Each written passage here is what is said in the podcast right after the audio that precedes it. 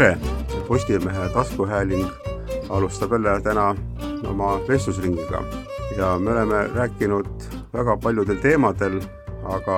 kõrvale on siiamaani jäänud selline valdkond, mis puudutab meid kõiki varem või hiljem. Ja me räägime täna surmast, kuidas me seda võiksime noh, mitte oodata, aga kuidas me võiksime selleks paremini valmistuda. stuudios nagu ikka on siis äh, Eve Rohtla, kuuskümmend pluss toimetaja. tere! mina, Ivar Altosaar, Postimehe ajakirjanik ja meil on täna külas Tiina Tambaum, Tallinna Ülikooli teadur. tere! kui me räägime surmast, siis ma pean kohe ütlema, et me tavaliselt vist ei räägi surmast. et see ongi tegelikult üks selline suhteliselt noh, teema, mida me nagu väldime, et me, meile tegelikult elades tundub, et me oleme ju surematud ja arvame, et see on midagi nagu sellist, mis teeb meid kuidagi tõrgaks või kui me nagu seda liiga palju räägime, siis noh, läheb, muutume kurvaks ja ja siis ei olegi elust võib-olla enam palju rõõmu tunda. mida sina, Eve, arvad? kuuskümmend pluss toimetajana, kas see on teema, kas see teema tuleb välja ka sinu väljaandes kuuskümmend pluss, on see inimesed, kas nad räägivad sellest, kas nad tahavad sellest lugeda? jaa, nad tahavad sellest väga lugeda, aga ma pean vaatama, et sellega liiale ei lähe et kord aastas me vähemalt tõstatame selle teema, ükskõik siis missuguse rakursi alt, oleme rääkinud Eesti matustest, matusekultuurist, Jaan Tammsaluga, Jaani kiriku õpetaja ja Tallinna praostiga, kellega me siis analüüsisime Eesti rahvusliku matuse omapära ja, ja ole, jõudsime selleni, et paraku praegused noored ei oskagi oma esivanemaid ära saata, sest et keegi võtab veel kätest kinni ja teeb energiaringi ja siis on kaetud peeglid ja noh, ühesõnaga kõik vene ja, ja budistlikud ja mis, mis iganes matusekultuuri osad põimuvad ja lõppude lõpuks ei teagi enam, et kuni sinnamaale välja, et mida tähendab siis kolm peotäit mulda ja, ja kas lähedased tohivad kirstu kanda ja, ja mismoodi see kõik käib. see lugu sai väga suure vastukaja siis me oleme rääkinud sellest, kuidas enne oma matuseid oleks tark juba oma lähedastele teada anda, mida, mida see inimene, kelle elupäevad hakkavad otsa saama, oma matustel, matustelt ootab, et kuni sinnamaale välja, kes kelle kõrval istub, et noh, et see naabrinaine tegelikult ei saanud selle Pauliga läbi, et ärge teda kõrvuti pange muusika ja kõige muu juures, kas tuhastamismatus või, või kirstumatus ja kuni sinnamaale välja, et tegelikult ei ole see mitte midagi halba, vaid sa kaitsed ja aitad oma lähedasi, kes seisavad ühtäkki väga suure dilemma ees, et mis nüüd saab. noor inimene, kes võib-olla elus esimest korda puutub kokku matustega ja, ja oma lähedase inimese ärasaatmisega ja, ja oleme rääkinud ka peielauast, mis, mis on siis peielaua kombed ja, ja kõik muud niisugust asja. aga on muidugi, nagu sa isegi mainisid, on selliseid lugejaid, kes ei taha sellest lugeda, kellel on mingisugune tabu surmaga seonduv teema on tabu, kas seda on tema elus liiga palju olnud või on ta selline natukene, natukene noh, tundlikum teistest või, või või, või häiritud mingisugusest asjast, need, temale ei meeldi need teemad. aga õnneks on ajakiri mitmekümneleheküljeline, nii et noh, saab ju alati edasi pöörata neid, neid lehekülgi, samas on ka noh, samasuguseid tundeid reklaamiandjate hulgas, et kui see matuse ja surmateema on, mis on väga loetavad, siis, siis ei taheta sinna reklaami võtta mingil põhjusel. peale krematooriumi reklaami, mis sinna väga hästi sobib. Tallinna krematoorium ikka reklaamib ennast ja hauakivide valmistajad, aga, aga noh, samas jällegi noh, väga paljud noh, just lugejad saadavad siis tagasisidena kirju, et nüüd see oli ikka suurepärane, et see peaks olema põhikooli õpikus kirjas, et kõik see lugu, et saatke edasi, et noh, et see on väga oluline ja mina panin kohe kõrvale selle ajakirja ja nüüd, kui mul lapselapsed ja lapsed tulevad, siis ma lasen neil läbi selle lugeda ja et tundub, et see on jälle selline teema, mida ei tahaks nagu ise alustada oma pere seltsis, et noh, nüüd, nüüd ma hakkan varsti surema surema, mis, mis, mis nüüd saab. et see tundub nagu selline noorele inimesele ehmatav ja õõvastav ja äkki ta ei tulegi enam külla mulle, kui ma siin kogu aeg surmast räägin. aga siis noh, sokutan talle selle ajakirja ja ütlen, et loe läbi ja siis me võime sellel teemal vestelda. et see surmaga seonduv on tõepoolest väga mitmepalgeline, väga paljude inimeste seas tekitab erinevaid tundeid aga samas, nagu minu vanaema ütles, et, et ta ei tea kedagi, kes on siia maa peale jäänud, et ükskord me kõik läheme seda teed. et mõistlik oleks sellega arvestada ja kuidas sina, Tiina, sellele, sellele vaatad, kuidas surmale vaadatakse? mina loen Tallinna Ülikoolis juba aastaid haridusgerontoloogia kursust ja juba aastaid on selle kursuse lõpu praktilise töö üks valikutest matuse planeerimine või surmakohviku läbiviimine. üks kolmest valikust, et äh, nagu sa ka ütlesid, et äh, ei saa peale sundida seda teemat. ja üliõpilased siis peavad läbi viima kas vestluse vanema inimesega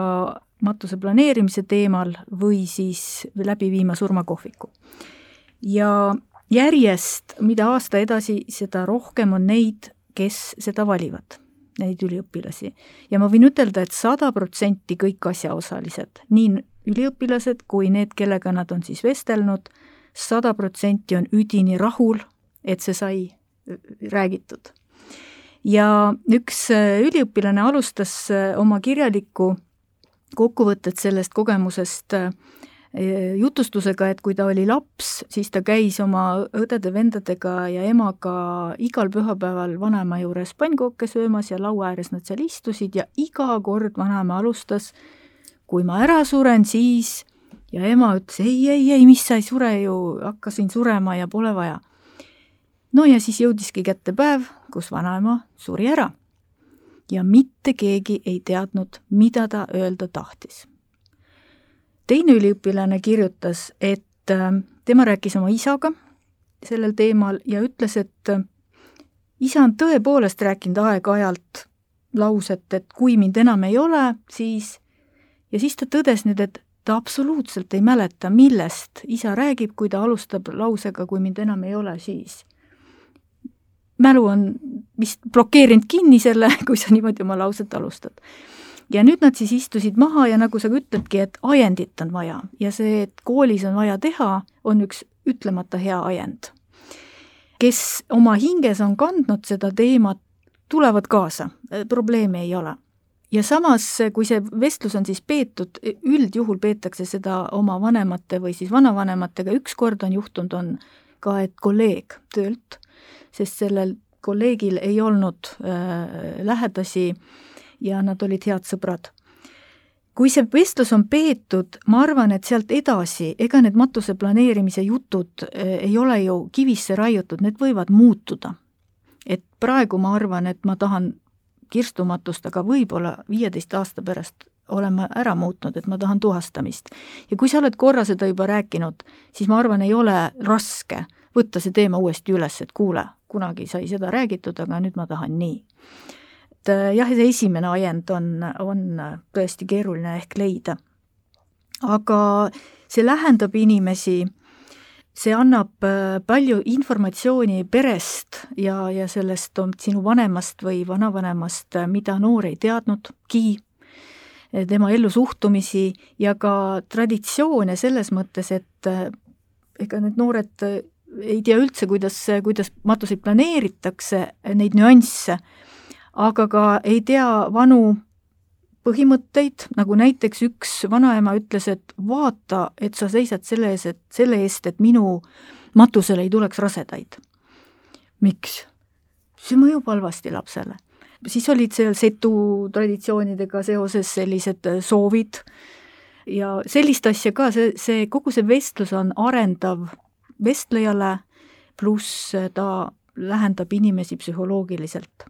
Nii et äh, soovitan see ette võtta ja mida ka kõik üliõpilased ütlesid kamba peale, kui me seda siis arutame, et mida varem sa seda räägid, mida kaugemal teoreetiliselt on sinu surm, seda lihtsam. et kui inimene on juba a la üheksakümmend ja noh, on teada, et see varsti tuleb, siis on palju raskem emotsionaalselt seda rääkida no mina, kes ma olen äh, paraku matnud nii oma ema kui isa, seisin ühel hetkel äh, pärast ema matust selle hirmu ees, et, et see, kes kõneleb matustel, peab ju midagi rääkima mu emast. ja ma mäletan, et tema oli selline väga suur jutustaja, ta rääkis väga palju igasuguseid lugusid, mis temaga elus on juhtunud, kuidas ta Stalini surma ajal kartsa pandi ja, ja kuidas, mis kõik iganes ja noh, tema seal, seal oli väga palju rääkimist, aga paraku ei osanud ju, ei olnud ju minul meeles kõik need kuupäevad, mis tegelikult järelhüüdes peaksid kõik kirjas olema, et millal lõpetas kooli, kuhu ta siis täpselt läks, mis aastal ta täpselt abiellus. mul oli õnneks isa võtta, kellel oli noh, väga kronoloogiline mälu ja täpselt mäletas kõike seda, aga mina mäletasin jälle neid emotsionaalseid jutte. ja sellest sai kokku selline tore meenutus, aga, aga vaata, siin ongi nagu selline hea tahtlik üleskutse, et, et kas või siis ise kirja panna täpselt, noh, kellelegi, kui just jutuks ei tule, et kuidas see minu elu siis on ka kronoloogiliselt kulgenud. kus ma täpselt, millises koolis käisin, mida ma täpselt õppisin, mida ma oma elust pean tähtsaks, et mis võiks nagu maha siis olla öeldud sellel hetkel, kui mind enam ei ole, aga ma olen oma elu elanud. Et see on, see on selline väga, väga oluline asi, et, et inimene, kes on terve elu oma vanematega koos elanud, ei teagi, mis, mis aastal ta täpselt Äh, siis seda tegi, teist tegi ja või millal nende, nende registreerimine oli, küll aga ma mäletan, et ei tohtinud abielusõrmuseid olla, sest see oli Stalini aeg. ja see oli kodanlik igand, et abielusõrmuseid olla ei tohtinud, aga nad ikkagi, need panid endale sõrm. niisuguseid lugusid ma kõiki mäletasin, aga siis ma hakkasin mõtlema, et mis kuupäeval ja mis aastal, no võta näpust, õnneks isa teadis. et noh, need on niisugused väga olulised asjad kui ma korraks põikan äh, veel ühte niisugusesse valdkonda, ehk siis inimkonna ajalugu, mis on tegelikult ka väga põnev teema, siis tegelikult inimkonna ajalugu, kui me räägime inimeste ajaloost, kui ta enam ei ole, ei olnud ilmselt ahvid või ahvi moodi inimesed, siis see tegelikult on ju ka matuste ajalugu. me tunneme ära inimese sellest, et ahah, et seal on olnud matus ja mõnikord ka midagi juurde pandud, et kui juba ei, ei jäta oma lähedase nii-öelda hõimuliikme keha kuhugi eh, vedelema või, või noh, teistele loomadele söö-, söödaks, vaid teevad midagi inimesega ja matavad ta ära ja ilmselt siis võib-olla noh, kuidagi seal veel tähistavad.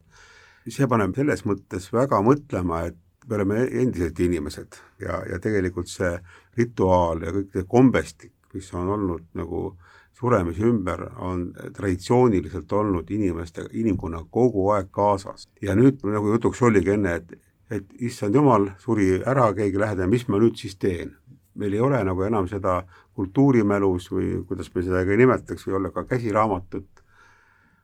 aga võib-olla siin nüüd ma jälle kohe põikan nüüd tänapäeva,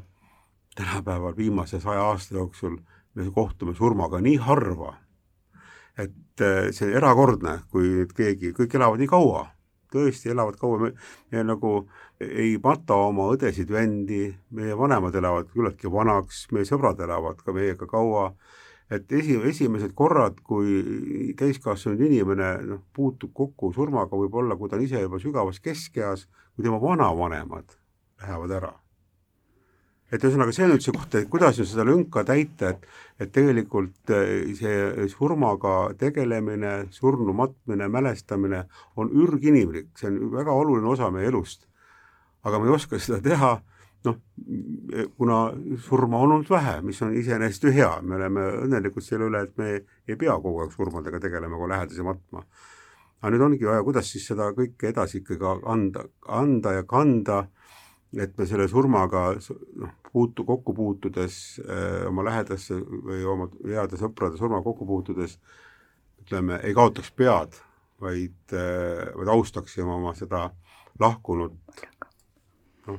nii nagu inimesed peaksid lahkuma ja peaksid äh, austama ja et et kuidas me hoiame seda siiski, seda nii-öelda taset, et, et surm on paratamatult ka osa, osa meie elust, kui nii võib öelda. ma arvan, et Tiinal on siin võib-olla teaduslikum ja laiapõhjalisem selgitus, et aga mina oma lähedaste matmise järel olen nagu aru saanud ja seda uurin, seda natukene uurinud ja Marju Kõivupuuga rääkinud, siis üldine arusaam on selline, et matta tuleb nii, nagu lahkunu on soovinud et lahkunu soove ei tohi eirata ja sellepärast see ongi väga tähtis, et sellel teemal natukene enne rääkida. kuigi nii noh, Eestis on neid samu kante, kus on erinevad matusetraditsioonid ja erinev kalmistukultuur, nii on ka üle maailma neid väga erinevaid, et oleme meiegi ajakirjas kuuskümmend pluss ähm, toonud selliseid huvitavaid viiteid küll Aafrikale, küll, küll näiteks Viini äh, suurele surnuaiale, kus peetakse lausa mm, orienteerumisi öösiti ja kus on Viini sümfoonikud mängivad ja seal juuakse veini, mis on nagu meie mõistes täiesti arusaamatu. et me ei kujuta ette, et me tantsime hauakivide vahel, eks ju aga, aga nii ta on, üle maailma on see väga erinev, nii et, et see on nagu selline noh, traditsiooniline asi ja me teame ka, et Setumaal minnakse ju kalmistupühadele ja visatakse seal õukat või viina või, või hansat või kuidas, kuidas me seda nimetame, puskarit, nii et noh, see ongi väga erinev, et aga, aga mis sellele on teaduslik seletus, oskab Tiina ehk rääkida? no see on selge, et matma peab niimoodi, nagu inimene tahab ja e, matused äh, on ju, kui nad lähevad nii, nagu inimene tahab või on tahtnud, siis on see ju, leevendab see siiajääjate leina või tähendab, ta kergendab seda olukorda, sul on lein nagunii, aga sul on oluliselt kergem, kui sa oled päris kindel, et kõik sai tehtud nii, nagu tema tahab. nüüd, mis puutub traditsioonidesse, siis kui inimene, vanem inimene tahab, et teda traditsiooniliselt mõetaks, siis nii on, aga traditsioonid on ju väga nagu nurgad ära lihvitud ja nüdistatud ja standardiseeritud, matused on läinud väga kiireks, krematooriumi ärasaatmised ja seoses ka tuhastamise võimalustega, ja pigem on jutt vanemate inimestega olnud selline, et neile see üldse ei sobi, nad arvavad, et justkui peab et ärasaatmisi peab tegema krematooriumi eh, talituse saalis. ei pea ju, aga kuna see on nii levinud, siis tekib selline tunne, et sa oled kohustatud ja see on väga sulle vastumeelne, eh, kuidas seda tehakse. et seda enam tuleb rääkida, sest eh, vanematel inimestel võivad olla ka sellised uued ettekujutused asjadest. kui ma oma elust näite toon, siis mu isa väga korduvalt rääkis, kui ebameeldiv on seal krematooriumisaalis käia, äh, tuttavaid ja sõpru ära saatmas ja meie tegime keset kõige pimedamat jaanuarikuud ärasaatmise õue peal. jah, oma kodus. oma kodus, telgis, tänapäeva vahendid äh, on ja võimaldavad seda teha, nii nagu tehakse abiellumisi ükskõik kus soos ja metsas, niisamuti sa võid ärasaatmist teha samamoodi näiteks muusika, et õudne, et mingisugune kräuksutav pasunakoor tuleb kalmistusele, kalmistule. et justkui peab nii olema, et justkui nii on traditsioon. ei ole, tänapäeva mobiil ja kõlar kannatavad ka kahtkümmend viit kraadi miinust. sa võid äh, väga ilusa muusika võtta ka, ka kalmistule kaasa ja nii edasi ja nii edasi, et et äh, selliste uuendustega tuleks ka vestelda. samamoodi on ju päris innovaatilisi võimalusi või uued küsimused tulevad, et kas teha elundidoonorluse leping näiteks või, või sooviavaldus mitte elustada, see käib siia juurde. või, või on ka võimalik mitte ainult tuhastada ja urn, vaid lasta ennast matta kuhugi puu alla ja sellest kasvab puu ja pluss see vaade, paljud vanemad inimesed ütlevad, et mul ei ole vaja ei ärasaatmist ega hauaplatsi, et kellelgi ei oleks koormat siin ma tahaks küll äh, võtta aja maha ja mõtiskleda, sest ärasaatmine ja ka hauaplats ei ole tõesti lahkunu jaoks, vaid ikka siiajääjate jaoks, eriti ärasaatmine. et kas ikkagi tal on õigust või tuleks ära vaielda, et, et kas tal on õigust seda nõuda, sest siiajääjatel on seda raskem aga võib-olla ta käib selle mõtte välja sellepärast, et saada kinnitust, et ära muretse, ema, ma hakkan käima kogu aeg, et ma tulen sind ikka vaatama, et võib-olla ta lihtsalt kardab, et noored inimesed lähevad mööda ilma laiali ja kedagi ja. ei ole enam seda platsi hooldamas ja siis tuleb naabrinaine, vaatab, et näed, kõik on riisumata. sotsiaalne kontroll töötab niikuinii. aga siin on hoopis teised teemad siis tulevad, et kuidas see hauaplats nii üles ehitada, et seda ei pea kraapima ja rohima kogu aeg ja sellelgi teemal oleme näiteks kuuekümnes plussis rääkinud. Ja samas ka, et milliseid rohelisi taimi istutada, mis ei nõua nagu pidevat kalmistu külastamist ja, ja põuaga kastmist või siis vastupidi muud asja teha. aga ma tahaksin äh, lisada, et üks asi on konkreetselt see talitus ja see, see protseduurid, mis käivad kaasas ja, ja kuni siis hauakivini välja, aga teine asi on matuste planeerimisel, mis saab sinu pärandist ja ma isegi ei mõtle siin ma-, äh, materiaalset pärandit. milliseid traditsioone sa tahad, mida praegu sina kannad? Äh, noh, näiteks sina oled see, kelle juurde kogunevad jõulude ajal kogu, kogu perekond. Äh, milliseid traditsioonide jätkamist sa tahad ja kes selle vastutuse võtab näiteks? või siis sul on igasugune looming või, või mittemateriaalne vara, millised asjad, mis on eelnevad põlvkonnad sulle, sinu kätte usaldanud, kes peab seda nüüd edasi kandma, kellegi ordenid näiteks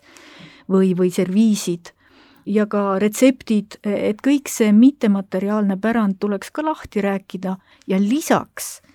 mida sa tahad, et hävitatakse ära, et sina praegu vajad, aga kui, kui sa oled lahkunud, siis ma ei taha, et see üldse kellegi kätte satuks siis palun hävitage ära. ka need jutud tuleb ära rääkida. see on ka kindlasti üks väga suur teema ja sageli väga kurb teema, et äh, inimesed on noh, endale ikkagi elu jooksul kogunud nagu vara. see vara võib olla ka kas või raamatukogu, suur raamatukogu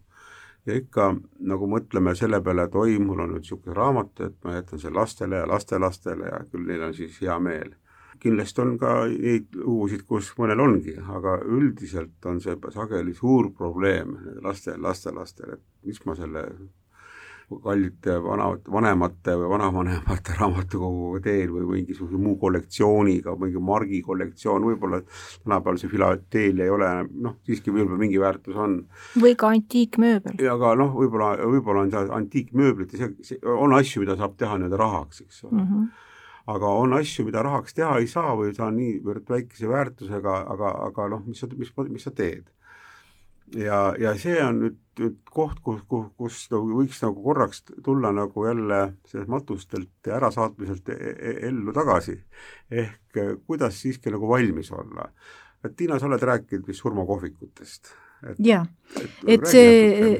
üks on jah, matuse planeerimise vestlus, väga konkreetne asi, mis võib laiaks minna, aga surmakohvikud on selline formaat, mis kaks tuhat kümme on maailmas välja käidud, deathcafe.com on ta seal kirjeldatud. Ja see on pea, väga tihti on see ikka ikkagi võõraste üksteisele mitte pereliikmete, vaid just tuttavate või üksteisele võõraste inimeste kokkutulemine ja, ja nende jutuajamist kohvik selles mõttes, et kohvi ja koogikene muudavad olemise mõnusamaks ja jutuajamised on teemadel, mis, millega sa teadvustad oma surelikkust. Ja kui sa seda teadvustad ja aktsepteerid, siis sa hakkad hindama seda sulle ees ootavat elu palju paremini, sa saad aru, mis on väärt teha, mis ei ole väärt teha, mis peaks praegu ära tehtama, sest ükskord võib olla hilja, ehk sisuliselt sa kasvatad oma elukvaliteeti eh, nende vestluste kaudu, mis siis keerlevad läbi selle, et su, su elu lõpeb kunagi ära. ja ma olen ise osalenud päris mitmes Eestis eh, surmakohvikus, eh, üks, mida tehti kunagi Rakvere teatri kohvikus, mitte teatris endas, vaid teatrikohvikus, aga nagu formaadilt ei olnud ta päris hea variant, sest äh, sinna kutsuti eksperte, kes olid laval ka füüsiliselt kõrgemal kohal ja põhimõtteliselt rääkisid need eksperdid ja siis auditoorium kuulas. surmakohviku mõte on see, kes seda eest veab, et ta annab kõikidele sõna, selles valdkonnas, selles teemas on ju kõigil midagi rääkida, aga põhimõtteliselt seal tehti seda niimoodi aga siis ma olen ka selliste eneseinitsiatiivi seal kokku kutsutud surmakohvikutes käinud ja, ja seal ükskord me rääkisime siis näiteks, et kes on üldse surnud inimest puudutanud, üldse temaga kokku puutunud, küüsi lõiganud või kas on keegi näinud oma või kellegi suremist, ühesõnaga, kui sa sellest saad rääkida, siis see ka muudab nagu olemise kergemaks ja, ja võib-olla ka võtab hirmud maha iseenda suremise ees. ja, ja saad küsida, et noh, et mis tunne oli, kui sina ei ole puudutanud ja teine on puudutanud ja ja need minemise lood, eh, mida siis eh,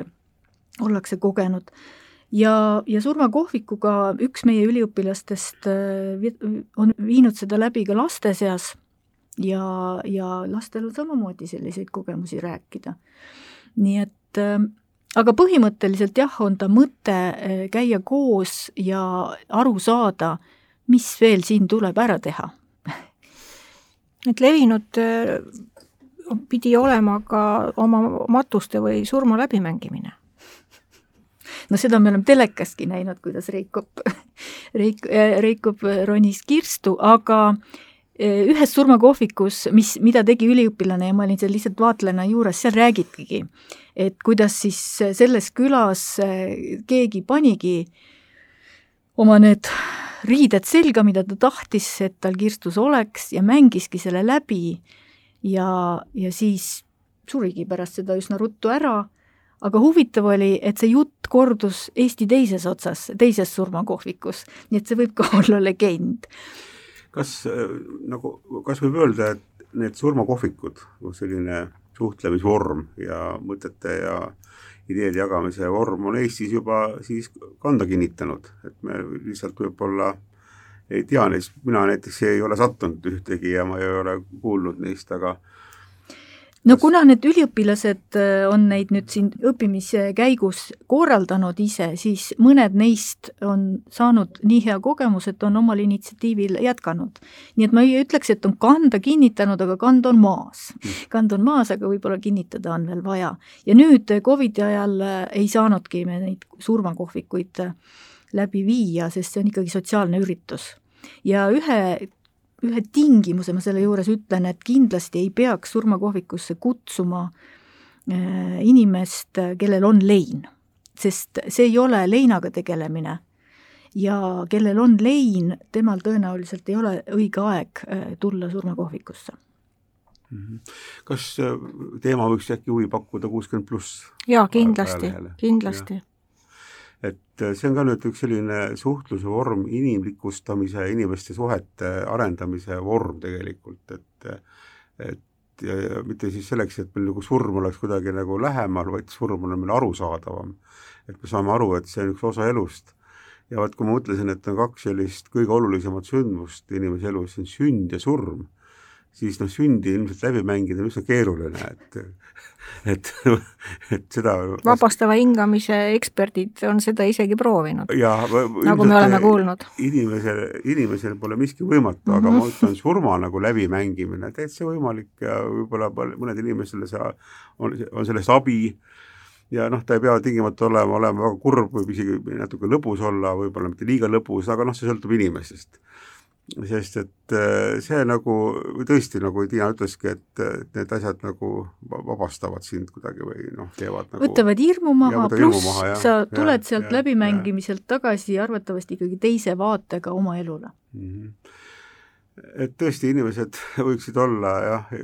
oma elu rõõmus, oma elu, elades rõõmsat elu, olla ka julged ja, ja vaadata ka surmale silma sõna otseses mõttes ja noh, sa ei pea seda siis võtma nagu noh, mingi, mingi rõõmuna otseselt, aga võtma seda loomulikuna. ja see, mis on loomulik ja sa oled selleks valmis, vot nüüd ongi siis, kuidas selleks valmistuda, kuidas ennast ja ka oma lähedasi selleks valmistada, kui me sellega kõik tegeleme, noh, loomulikult lõpuks ikkagi, kui ära minnes on paha ikkagi, noh, ei saa öelda, pisar tuleb ja kõik, aga, aga noh, ta kuidagi on ilmselt teistmoodi, et mul oli siin võimalus ajakirjanikuna teha tööd, vist nüüd kuu või rohkem tagasi ilmus lugu, kui ma suhtlesin, rääkisin mitmete hingehoidjatega, kes, kes on siis paljude inimeste ära saanud, surm, surma juures olnud, kes on ka kas palliatiivravikeskustes olnud või vaimulikud, kes on läinud inimeste juurde siis, kui neil on need viimased hetked käes. ja nemad, ja sealt siis, sellest intervjuudest tuleb ka välja, et, et noh, ongi tihti, et isegi lähedased ei julge minna, et et ema on intensiivis või kusagil sellises palatis, et on peaaegu kohe minemas ja lähedased, tema enda pereliikmed, tema armsad lapsed ja lapselapsed on ukse taga, ei julge minna oma ema juurde. ja siis, kuidas on noh, hingehoidja siis veennud pereliikmed ja siis keegi, esimene ei julgenud ja teine ei julgenud ja selgub, et ema on veel siis mitu päeva elus ja, ja siis on nad kõik olnud väga rõõmsad, noh, mitte kui ema ära läks, mitte rõõmsad, aga et, et nad on pärast tulnud, tulnud tänama, et see oli nende jaoks nii tähtis, et nad said selle ema juures olla. Et, et vot selline noh, et see selgub, et tänapäeval on vaja inimest natuke aidata või nagu tõugata või, või teha uks lahti, et et see nagu, nagu üks hingehoidja ütles, et et inimesed ei saa sageli aru, et seesama ema on seesama ema, et temas on kõik sada protsenti seesama inimene, kes oli siis, kui noh, ta ei olnud nii haige. ja, ja kui siis inimene läheb sinna juurde, avastab, et ongi seesama ema, noh, natuke nõrgem ja kehvem, aga ta on ikka seesama. Et see on nagu noh, selline nagu õpetlik järeldus, et et tänapäeval me ei tule sageli selle peale, me oleme selle nii ära tõrjunud, et peab olema nagu seda valmisolekut nagu varem endast tehtud, endast nagu valmistanud ja, ja ka valmis ka teisi aitama sel juhul, kui teised ei ole selleks valmis. et surm ei ole nakkav? aga ja, tähtis ja see ei ole nakkav jah, ja, ja, ja, ja ta, ta ei ole nagu selline asi, mis kuidagi noh, kahjustab või teeb sind teeb sind õnnetumaks, kui ta nagu noh, ta surm nagunii on, teeb sind õnnetuks selles mõttes, et lähedane lahkub, aga aga parem, kui sa oled temaga ikka viimastel hetkedel juures, aga mitte kusagil müüri taga. see on südame, enda südamerahu ja, ja hingerahu jaoks vist ilmselt just, oluline. hingerahu, jah, täpselt, hingerahu. ja, ja see on nüüd jah, mõtlemise koht, ma arvan, kõigile, et, et kõik läheme ja, ja ka meie lähedased kõik lähevad, ei tea, kes meist enne läheb ja, ja, ja võtamegi seda rahulikult ja teadlikult ja, ja eluajal juba ikkagi õigel ajal ka omavahel sellest rääkides. aga oluline on muidugi teavitada, et ärme enne surma ära sureme, enne surma elame. no kui sa võtad öö, oma matuse planeerimise teema jutuks, siis oled sa väga kaugel sellest, et sa oled enne oma surma ära surnud just, et, et seda saab teha, ilmselt seda saabki teha üsna, üsna ka sellises noh, mõnusas perekondlikus ringis ilma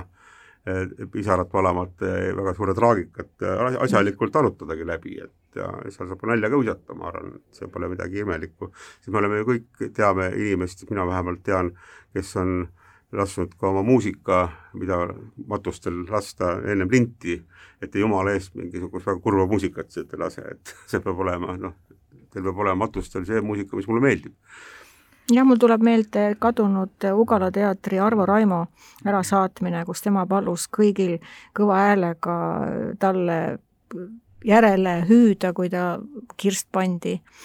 pandi auto peale, et kõik pidid hüüdma talle juhei või midagi taolist, kes oli sellise väga tugeva huumorimeelega ja siis oli seda niisugune kohati natukene naljakas vaadata, aga, aga teisest küljest jälle väga eriline ja, ja selline noh, selline Arvo Raimole omane, et, et tema oligi selline hästi elurõõmus, elulustlik, vitaalne inimene, kalamees ja näitleja ja, ja naljategija, ehk siis praegu on meil need omad humoristid, aga oli temagi omal ajal koos, koos Rein Malmsteniga, kes käisid nalja viskamas nii et, et siis, siis tema tahtis, et talle juhei kaasa varjatakse ja, või te, juheiga teele saadetakse, nii et, et noh, niimoodi see siis oli, terve, terve Ugala seltskond ja kõik teised ka ümberringi, nii et iga, igasuguseid, igasuguseid soove on ja igasuguseid ärasaatmisi on. just, ja matus ei ole ju selle inimese sündmus, et ta on nüüd surnud, äh, mingi tähistamine, vaid see on äh, pika elatud elu, kireva elu meenutamine, selle inimese jäädvustamine oma, oma mällu ja sellele tulebki keskenduda. ja üks asi veel, mis mulle nüüd ikkagi praegu hinge peale jäi veel, mida välja ütlen, et et ma olen ka sellises vanuses, et olen käinud paljude inimeste matustel, nii väga lähedaste kui ka võib-olla, kes, keda ma vähem tean, ma tahan öelda seda, et kui meil keegi lähedane läheb, siis me võiksime ikkagi olla valmis peelauas noh, midagi tema kohta ütlema. ja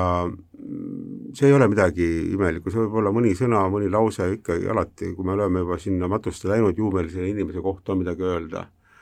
et ma olen nagu seda tähele pannud, et, et ei taheta öelda, inimesed on väga kinni, et, et võiks öelda. jaa, ja rääkida lõbusaid asju Eh, see on ka vale arusaam, et, et kui ma naeran äh, matustel või peielauas, et siis ma olen nagu midagi väga halba teinud, otse vastupidi, ka leinajatel on hoopis kergem ja see on ikkagi taas, me meenutame seda elu, mitte seda sündmust, et ta suri. nii et kindlasti kõik naljakad seigad ja, ja ja need jutud, mida te teate, et see inimene tahab, et just seda meenutatakse temast et me võimegi ka oma tänase äh, taskuhäälingu võib-olla lõpetada selliste, sellise mõttega, et lõpp ei pea olema hirmus, lõpp võib olla õnnelik. me sisustame ise oma elu selliselt, et, et ka meie elu lõpp oleks siis õnnelik